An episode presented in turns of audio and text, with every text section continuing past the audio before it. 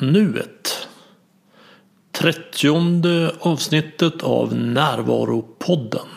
En samlande kraft mot tankarnas terrorism.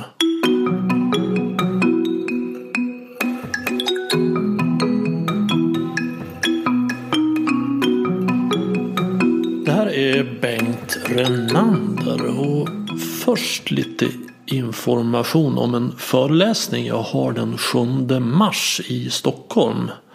Den handlar om maskulint och feminint och eh, om du är en sån som har lätt för att gå upp i huvudet och håller på att göra saker hela tiden och utan att riktigt kunna känna efter. Eller om du har lätt för att känna efter men har svårt att komma loss och få saker gjorda.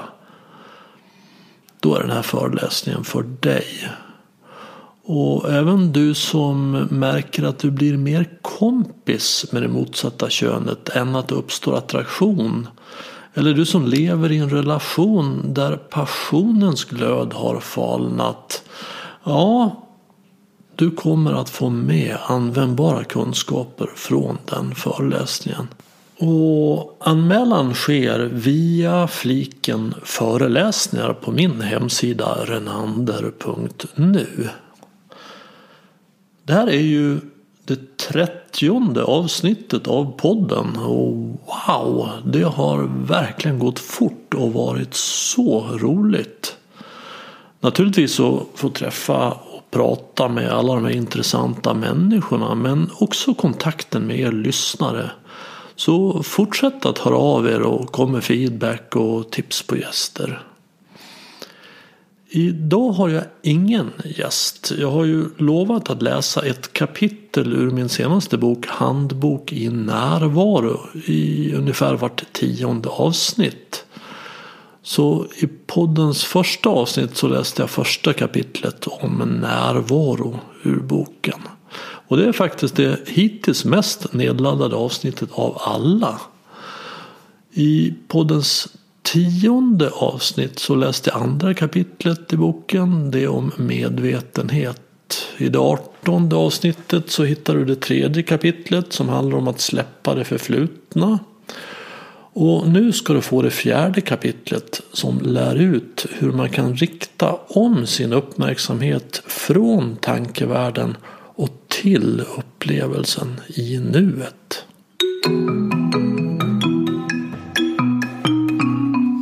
Acceptans och tacksamhet.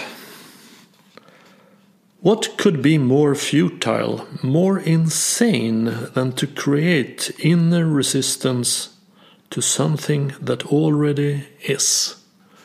Eckart Tolle. När vi tänker på nuet så brukar det ofta handla om att kategorisera, döma och leta fel i det som är nu. Det ligger i tankens natur. De är inte intresserade av det som fungerar bra, det enkla och begripliga, det stilla och händelselösa. Det är inte intressant. Tankevärlden är mer som en nyhetstidning. Där finns aldrig artiklar om att inget har hänt, att allt fungerar bra, att livet löper på som vanligt i all enkelhet. Det finns inget nyhetsvärde i det.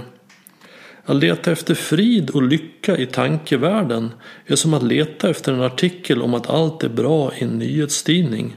Den finns inte där. Vill du komma till närvaro behöver du lägga tidningen, tankarna, åt sidan en stund. Och det gör du genom acceptans och tacksamhet. Acceptans är lika med okej. Okay. Jag använder inte ordet okej okay som ett uttryck för att något är bra. Jag använder okej okay som ett neutralt begrepp, varken bra eller dåligt. När jag säger okej okay så värderar jag inte. Jag är med verkligheten som den är, varken mer eller mindre. Acceptans är en ofrånkomlig del av närvaro.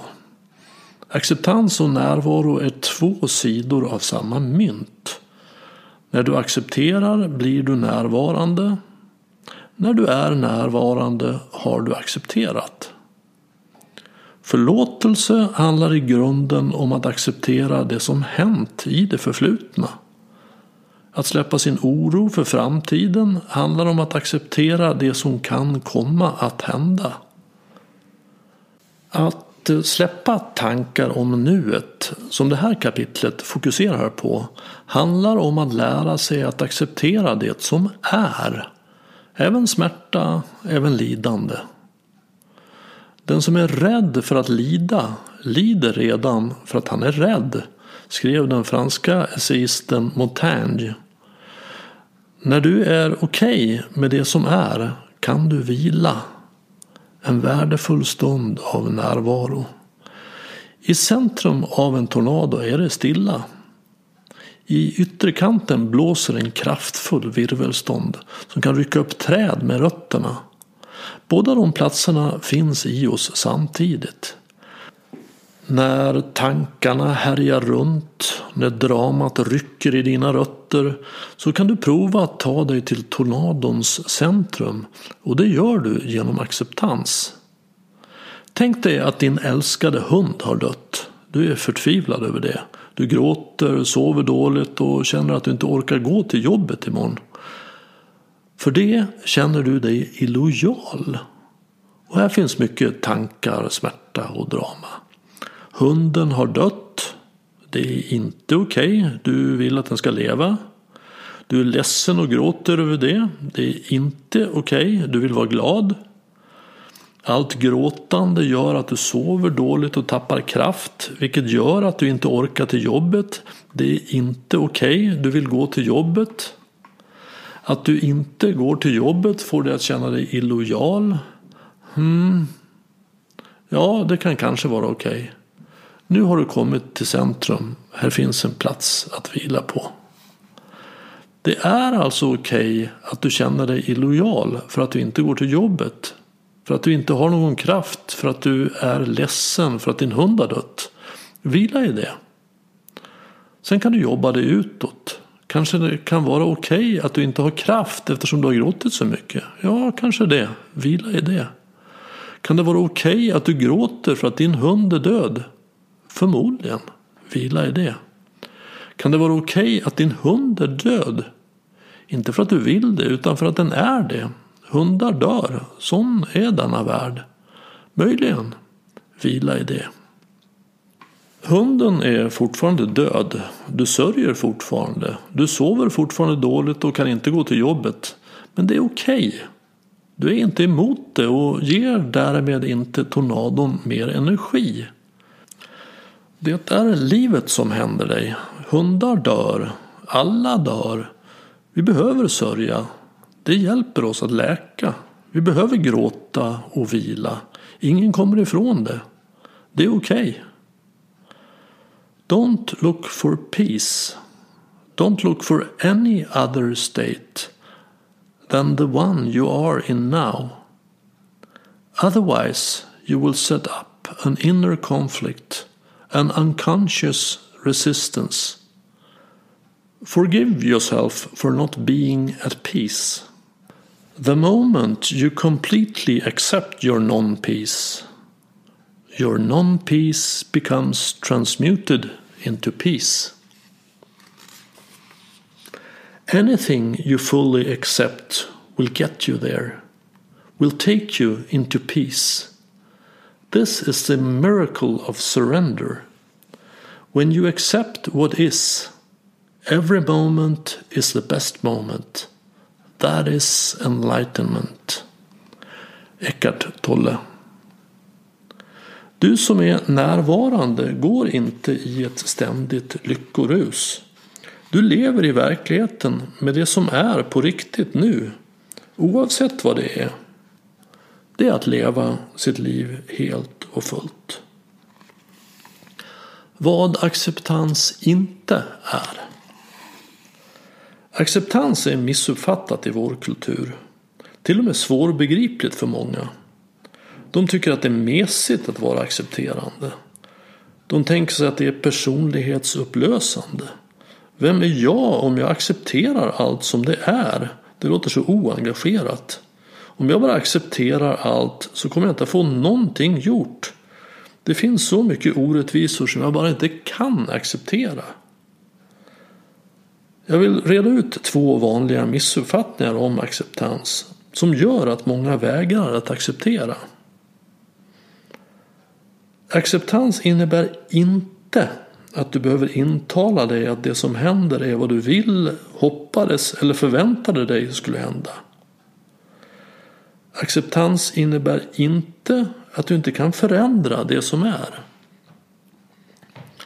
Acceptans innebär helt enkelt att du inte är emot det som redan är. Närvaro handlar om att vara med det som är. Det tar energi att vara emot det som är. Energi som du istället kan använda till att vara konstruktiv i det innevarande ögonblicket.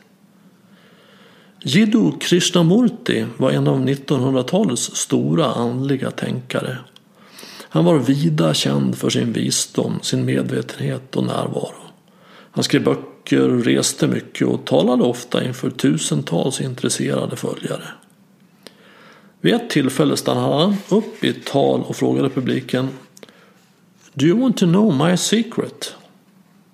Det blev tvärtyst bland åhörarna. Det var ju därför de hade kommit. Efter en konstpaus sa Krishnamurti stilla.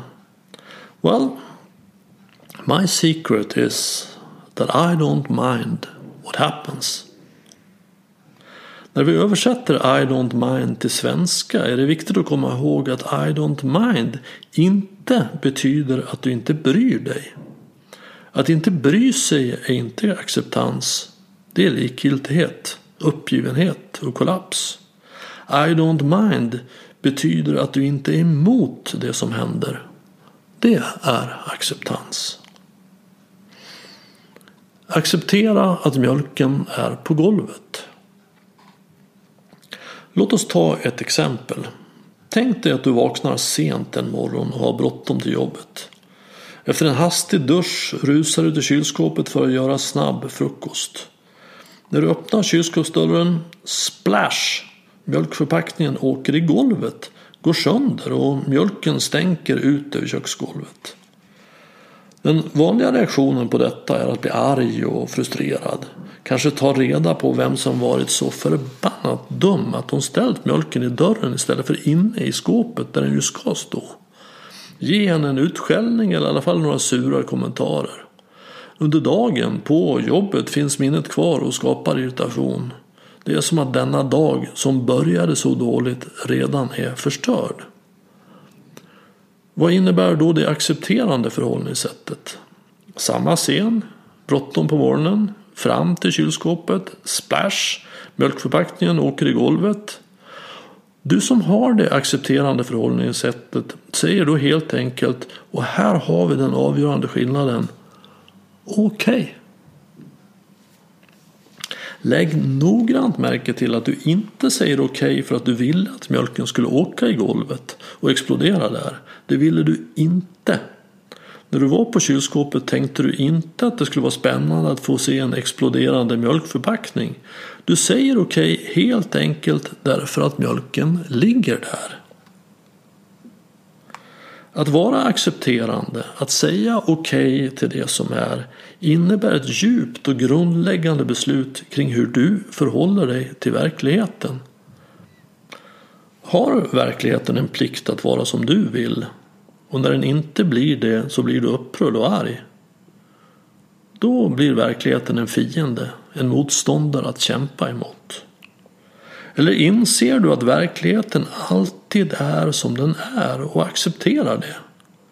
Din uppgift blir då att konstruktivt samverka med det som är. Då blir verkligheten en allierad. Verkligheten är kraftfull.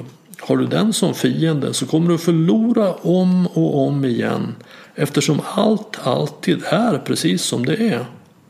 Livet blir en fruktlös kamp. Och så ser livet ut för många. Gör du verkligheten till din allierade så ingår du den mest kraftfulla allians som står att finna. När du säger okej okay till att mjölken ligger där på golvet för att den gör det så innebär det inte att den behöver ligga kvar. När du säger okej okay till att mjölken är på golvet har du mer kraft att torka upp den än om du är i ett reaktivt drama som är emot att mjölken är där. Du använder din energi till att göra något som påverkar och förändrar verkligheten på riktigt. Istället för att använda energin till att vara arg, frustrerad, missnöjd eller besviken. The more something upsets you, the more it is meant for you. When it no longer upsets you, it is no longer needed, because the lesson is complete. Bryant McGill. Det är vansinnigt att vara emot verkligheten. I det här fallet mjölken som är på golvet. Den är ju där. Det är som att vara emot golvet, huset, jorden det står på. Det som händer på jorden, det som händer i universum. Allt är som det är i detta ögonblick. Din fråga är inte längre varför världen inte är som du vill.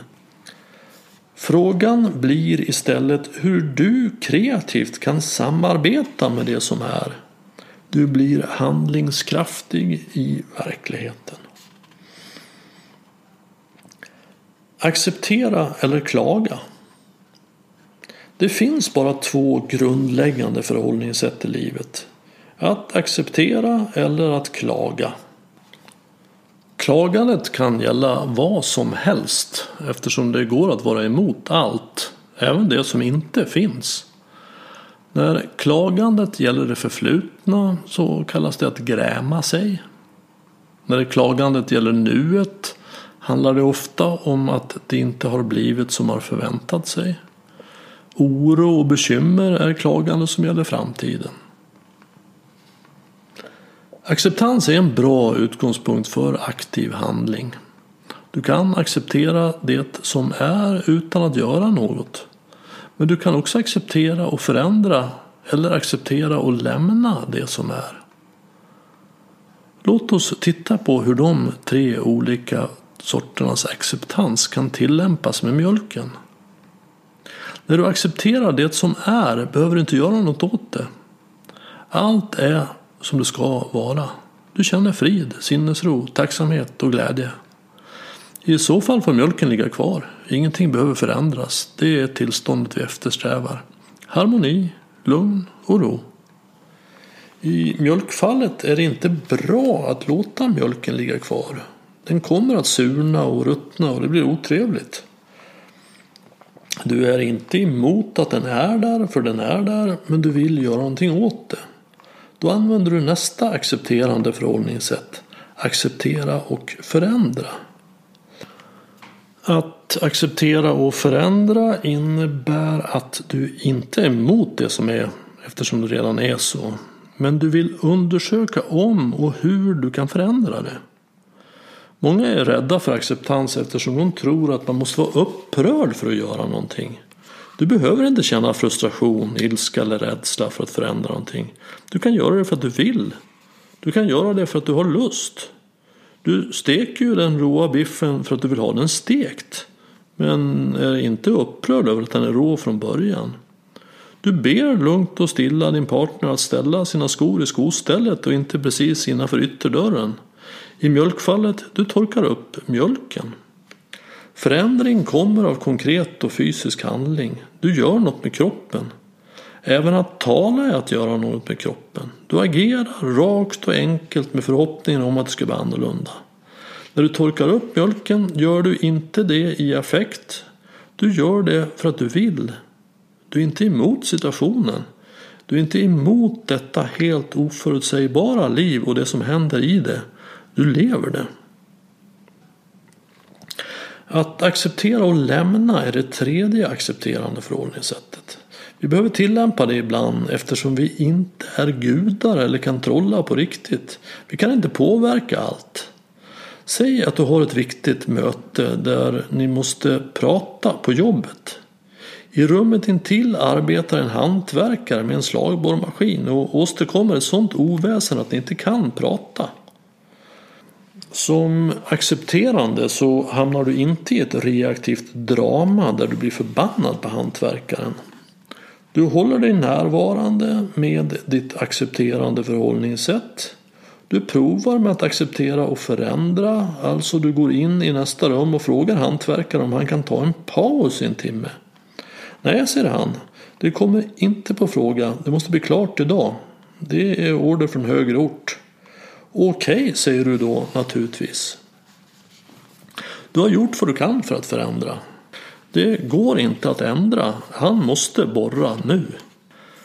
Då kan du antingen gå till positionen att acceptera ljudet och stanna. Det innebär att du måste släppa din önskan om att ni ska kunna prata med varandra på mötet. Osannolikt i det här fallet. Då kan du istället gå till positionen att du accepterar att situationen inte kan förändras och lämnar den. Ni vill prata. Det här är ett konferensrum där det inte går. Så ni går ner på kaféet i hörnet istället. I mjölkfallet är lösningen att acceptera och lämna inte realistisk. I så fall skulle du flytta från huset bara för att det är mjölk på golvet. Om det hade varit saltsyra eller radioaktivt avfall kanske det skulle kunna komma i fråga men knappast när det bara är lite mjölk. Att acceptera och säga okej okay är ovant och rakt emot vad vi får lära oss i vår kultur. Vi lär oss motsatsen, att tro på våra tankar, att stå för våra tankar och hävda dem. Det är inte okej. Okay. Världen ska anpassa sig efter mig, inte jag efter den. Detta tillämpar vi om och om igen, trots att det leder till olycka. Här är ett exempel. Soppan är ljummen. Tänk dig att en släkting bjudit in dig till ett födelsedagskalas på en restaurang. Ni är ett tiotal personer och efter en del diskussion bestämmer ni er för att äta förrätt och du väljer en fisksoppa.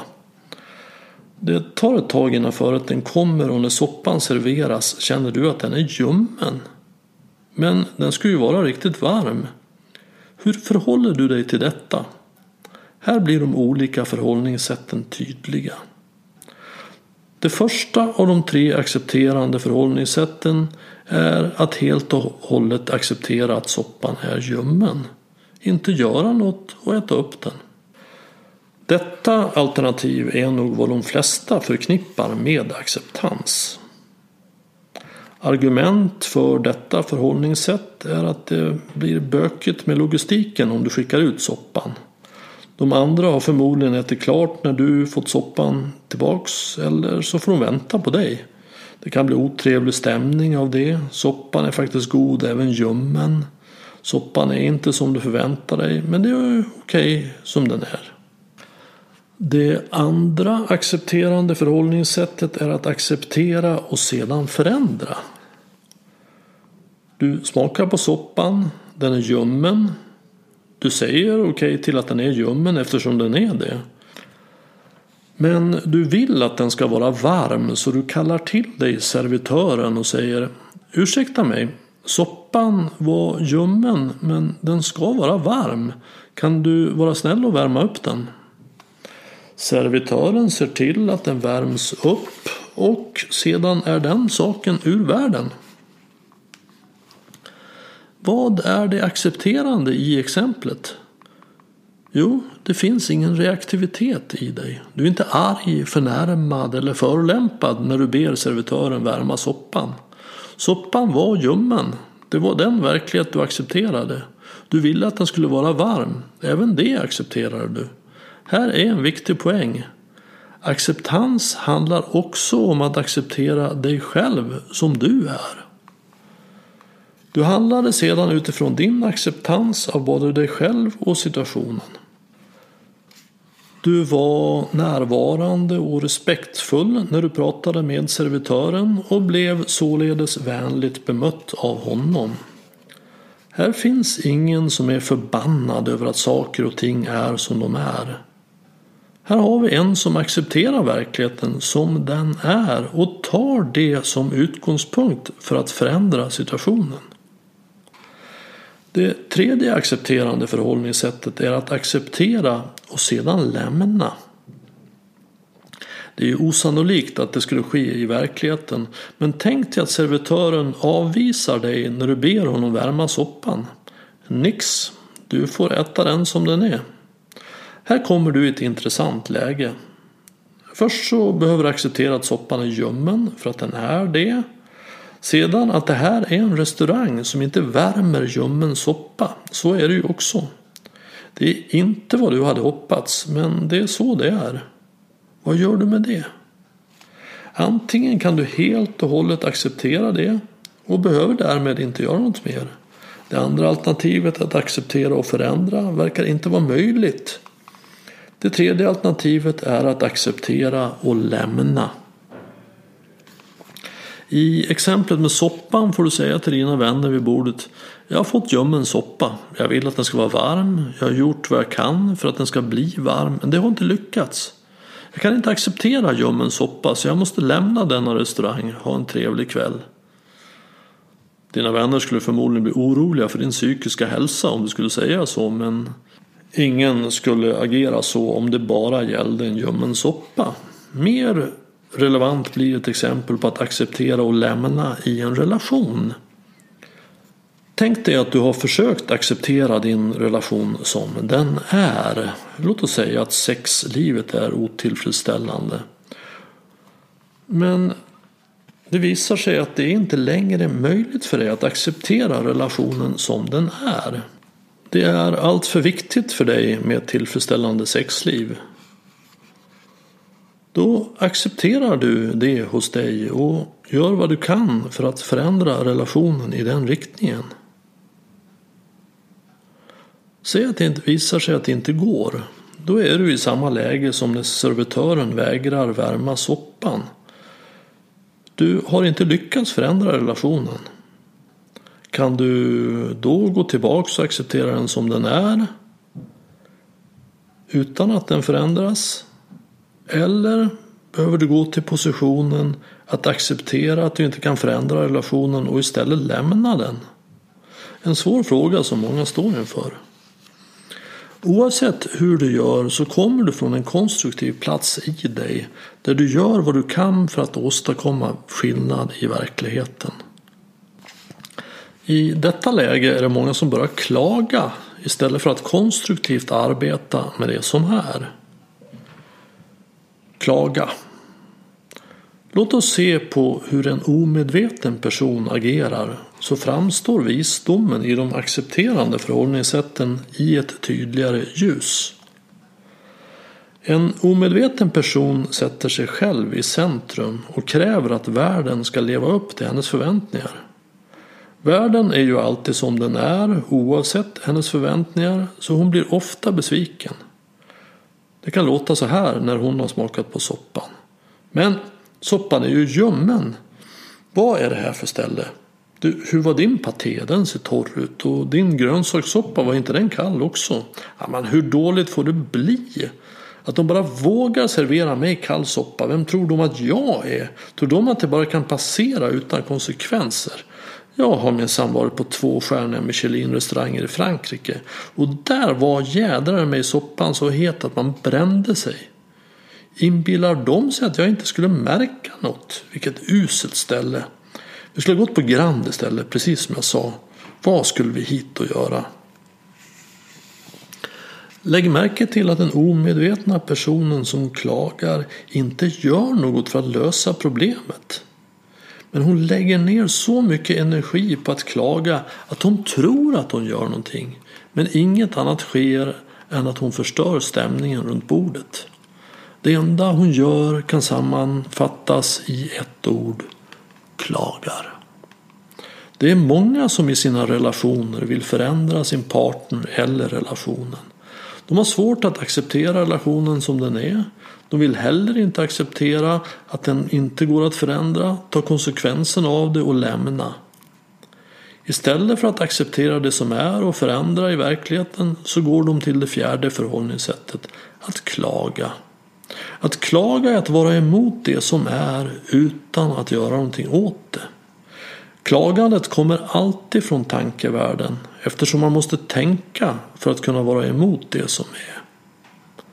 Att klaga är en av tankevärldens favoritsysselsättningar. Klagandet gör den som klagar speciell. Det sätter henne över andra och annat. Att klaga är meningslöst. En bra övning är att sluta klaga och se vad som händer. Jag ger den ibland till mina klienter och flera har kommit tillbaks och upptäckt att de inte har någonting att prata om på jobbet. Klaga är det enda de gör vid fikabordet. Klagandet är destruktivt. Det förbättrar inget i verkligheten utan påverkar bara tankevärlden till ännu mer drama. Trots att det tar så mycket energi kommer inget ut av det. Många människor är helt slut när de kommer hem från jobbet. Inte för att de har åstadkommit något speciellt mycket i verkligheten under dagen. De är slut för att de har varit emot det som hänt under dagen. Låt oss titta närmare på hur klagandet kan se ut och vad det får för konsekvenser. Vad gör du med en rävsax runt benet? Tänk dig att du sitter hemma en vacker höstlördag. Det är förmiddag och du har inte riktigt planerat dagen än. Eventuellt en promenad och sen bio tänker du. Då ringer din bästa vän, låt oss kalla henne Gunilla. Hon ska ut och plocka svamp. Det är fint väder och hon föreslår att du ska följa med. Du tvekar men hon är envis så ni kommer överens om att hon hämtar upp dig om en stund.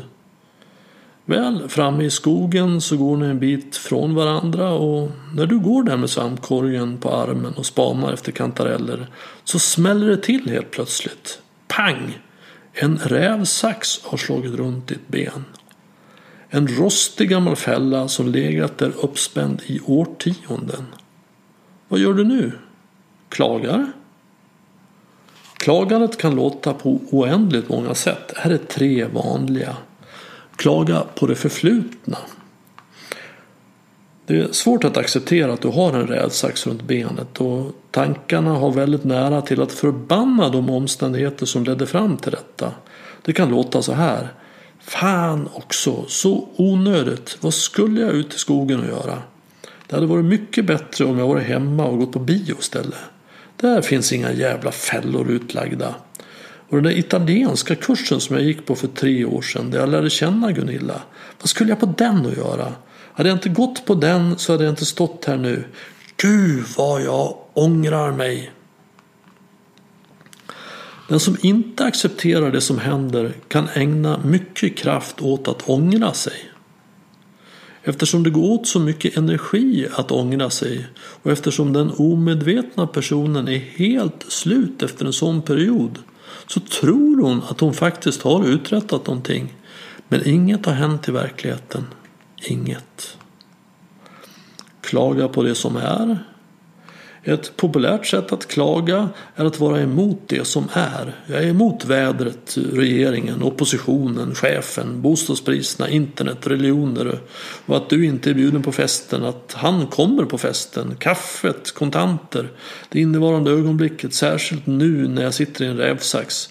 Ja, du kan nog ta vad som helst och sedan hitta någon som är emot det. Någon som fokuserar på hur det borde vara nu hur det skulle kunna ha varit nu om det inte hade varit som det faktiskt är. En outsinlig ordström av klagan flödar ur den människa som är omedveten och identifierad med sitt tankeliv. Inget händer i verkligheten här heller. Klaga på framtiden. Det kan låta så här. En rävsax har slagit runt mitt ben. Fruktansvärt. Det blöder och det finns rost i såren. Herregud, hur ska det gå? Jag kommer inte att hinna till sjukhus i tid. Det kommer att bli blodförgiftning. En sån där vit rand kommer att sprida sig upp längs benet och det blir alldeles dött och måste amputeras. Och jag som är singel och vem vill ha en enbent? Jag kommer att få leva ensam resten av mitt liv. Många ägnar mycket tid åt att oroa sig för framtiden och tycker att det är ett ansvarsfullt beteende. Om jag bara accepterar saker och ting som de är, hur skulle det se ut? Ja, hur skulle det se ut? Om du ska åstadkomma förändring på riktigt så behöver du göra det i verkligheten. Och om du ska agera i verkligheten så behöver du också vara i verkligheten som den är. Oavsett vad du tänker och tycker om den.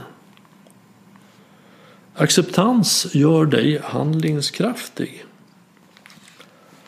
Om du tillämpar acceptans i berättelsen om rävsaxen så skulle ju allt se likadant ut fram till och med det ögonblick rävsaxen slagit runt ditt ben. Men där finns en dramatisk skillnad. En rävsax har slagit runt mitt ben och sedan det centrala, viktiga och förlösande ordet okej. Okay. Kom nu ihåg att du inte säger okej okay för att du ville att det skulle hända. Eller för att du tycker att det är bra att det hänt. Du säger okej okay för att det har hänt. Du säger okej okay till verkligheten. Du kämpar inte emot verkligheten. Du går med den. Du anpassar dig till den. Feel your feelings. Let them be alive in your body. Let them be gentle or intense. Think your thoughts. Let them come and go. Let them stay. Let them depart. Remember, there is only this moment. Even if it's not okay right now, can it be okay? Can it be okay for the belly to feel tingly, warm, tight, for the chest to feel heavy, for the throat to feel contracted, for the head to feel pressured, for the breath to breathe in the way is breathing, for the heart to pound as it must, for the thoughts to be whirring around for this moment to be exactly as it is, including the urge for it to be otherwise. You don't have to hold up your life, it's already holding itself. You only have to live a single moment, and not even that. So it's okay, even when it's not. Jeff Foster En omedveten person kämpar emot verkligheten. Och trots att verkligheten vinner i tusen matcher av tusen så fortsätter hon kämpa emot. Där försvinner mycket energi, där skapas mycket smärta och frustration. När du samarbetar med verkligheten blir du också handlingskraftig. Finns det något jag kan göra för att komma ur den här rävsaxen? Ja, jag kan prova med att dra isär de här två tandade kanterna. Och se där, jag kom loss. Du är fri. Istället för att ägna energi åt att oroa dig eller att ångra dig riktade du energin mot att åstadkomma skillnad på riktigt. Nu står du i skogen, fri från fällan, men med sår på benet. Jag har djupa blodiga sår på benet och det är smuts och rost i dem. Okej, okay. Du ropar på Gunilla och ber henne köra dig till sjukhuset. Acceptans innebär inte att du blir passiv, tvärtom. Du frigör energi till att göra saker på riktigt. Människor med ett accepterande förhållningssätt blir handlingskraftiga i verkligheten. En omedveten person sätter en heder i att oroa sig. De upplever oro som ansvarsfullt. Jag är väldigt bekymrad över klimatförändringarna. De tror att de gör något eftersom de lägger energi på att oroa sig men klimatförändringarna består. Den lycka och frid som du kan känna när du accepterar kommer inte av att du förnekar all smärta och orättvisa som finns i världen, både individuellt och globalt. Den finns och har funnits lika länge som människan. Det är en mycket komplex och svårbegriplig värld vi lever i. Lyckan och friden kommer av att du accepterar att världen är sån och att du gör vad du kan för att förbättra den.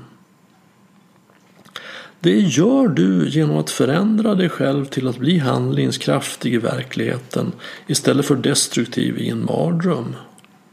En människa med ett accepterande förhållningssätt konstaterar att klimatproblemet finns tar reda på hur det ser ut, undrar vad hon kan göra och gör det.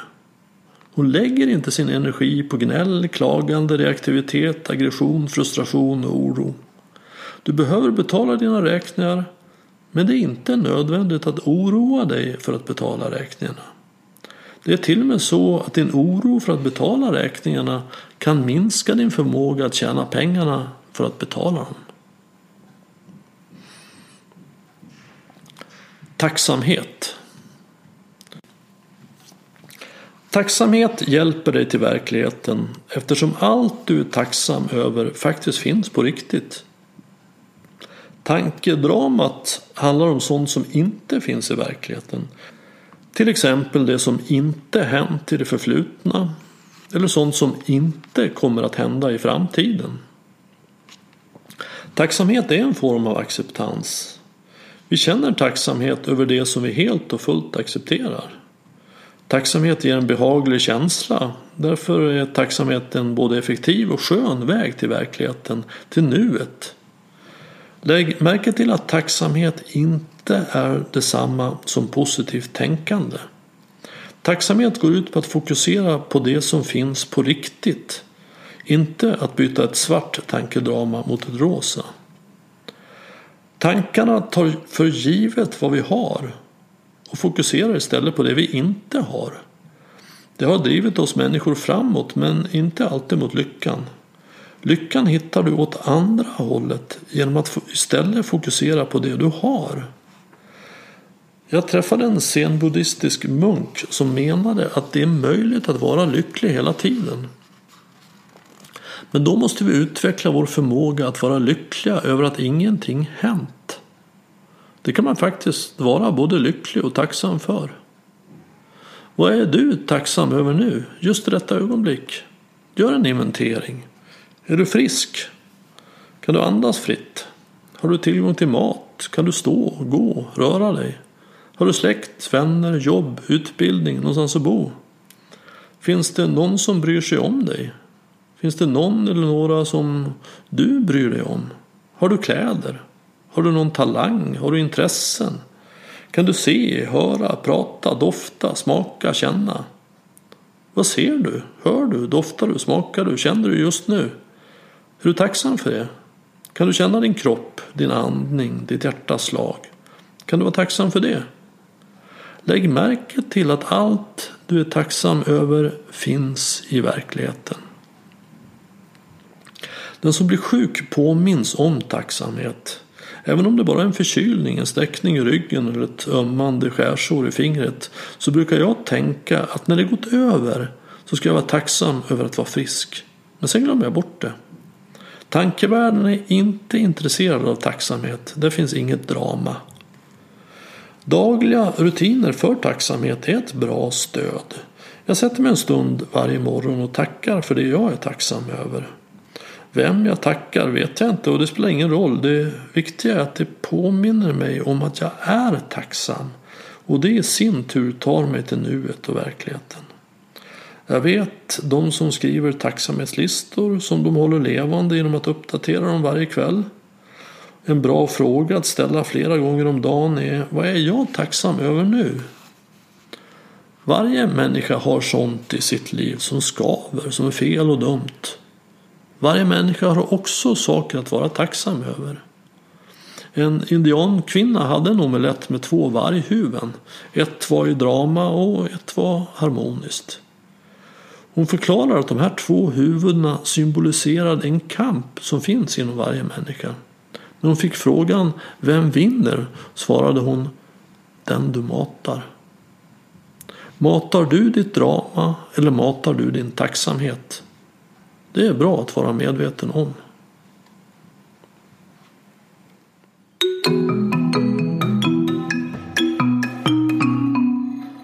Om du vill ha ett eget exemplar av boken så finns den att köpa under fliken böcker på min hemsida renander.nu.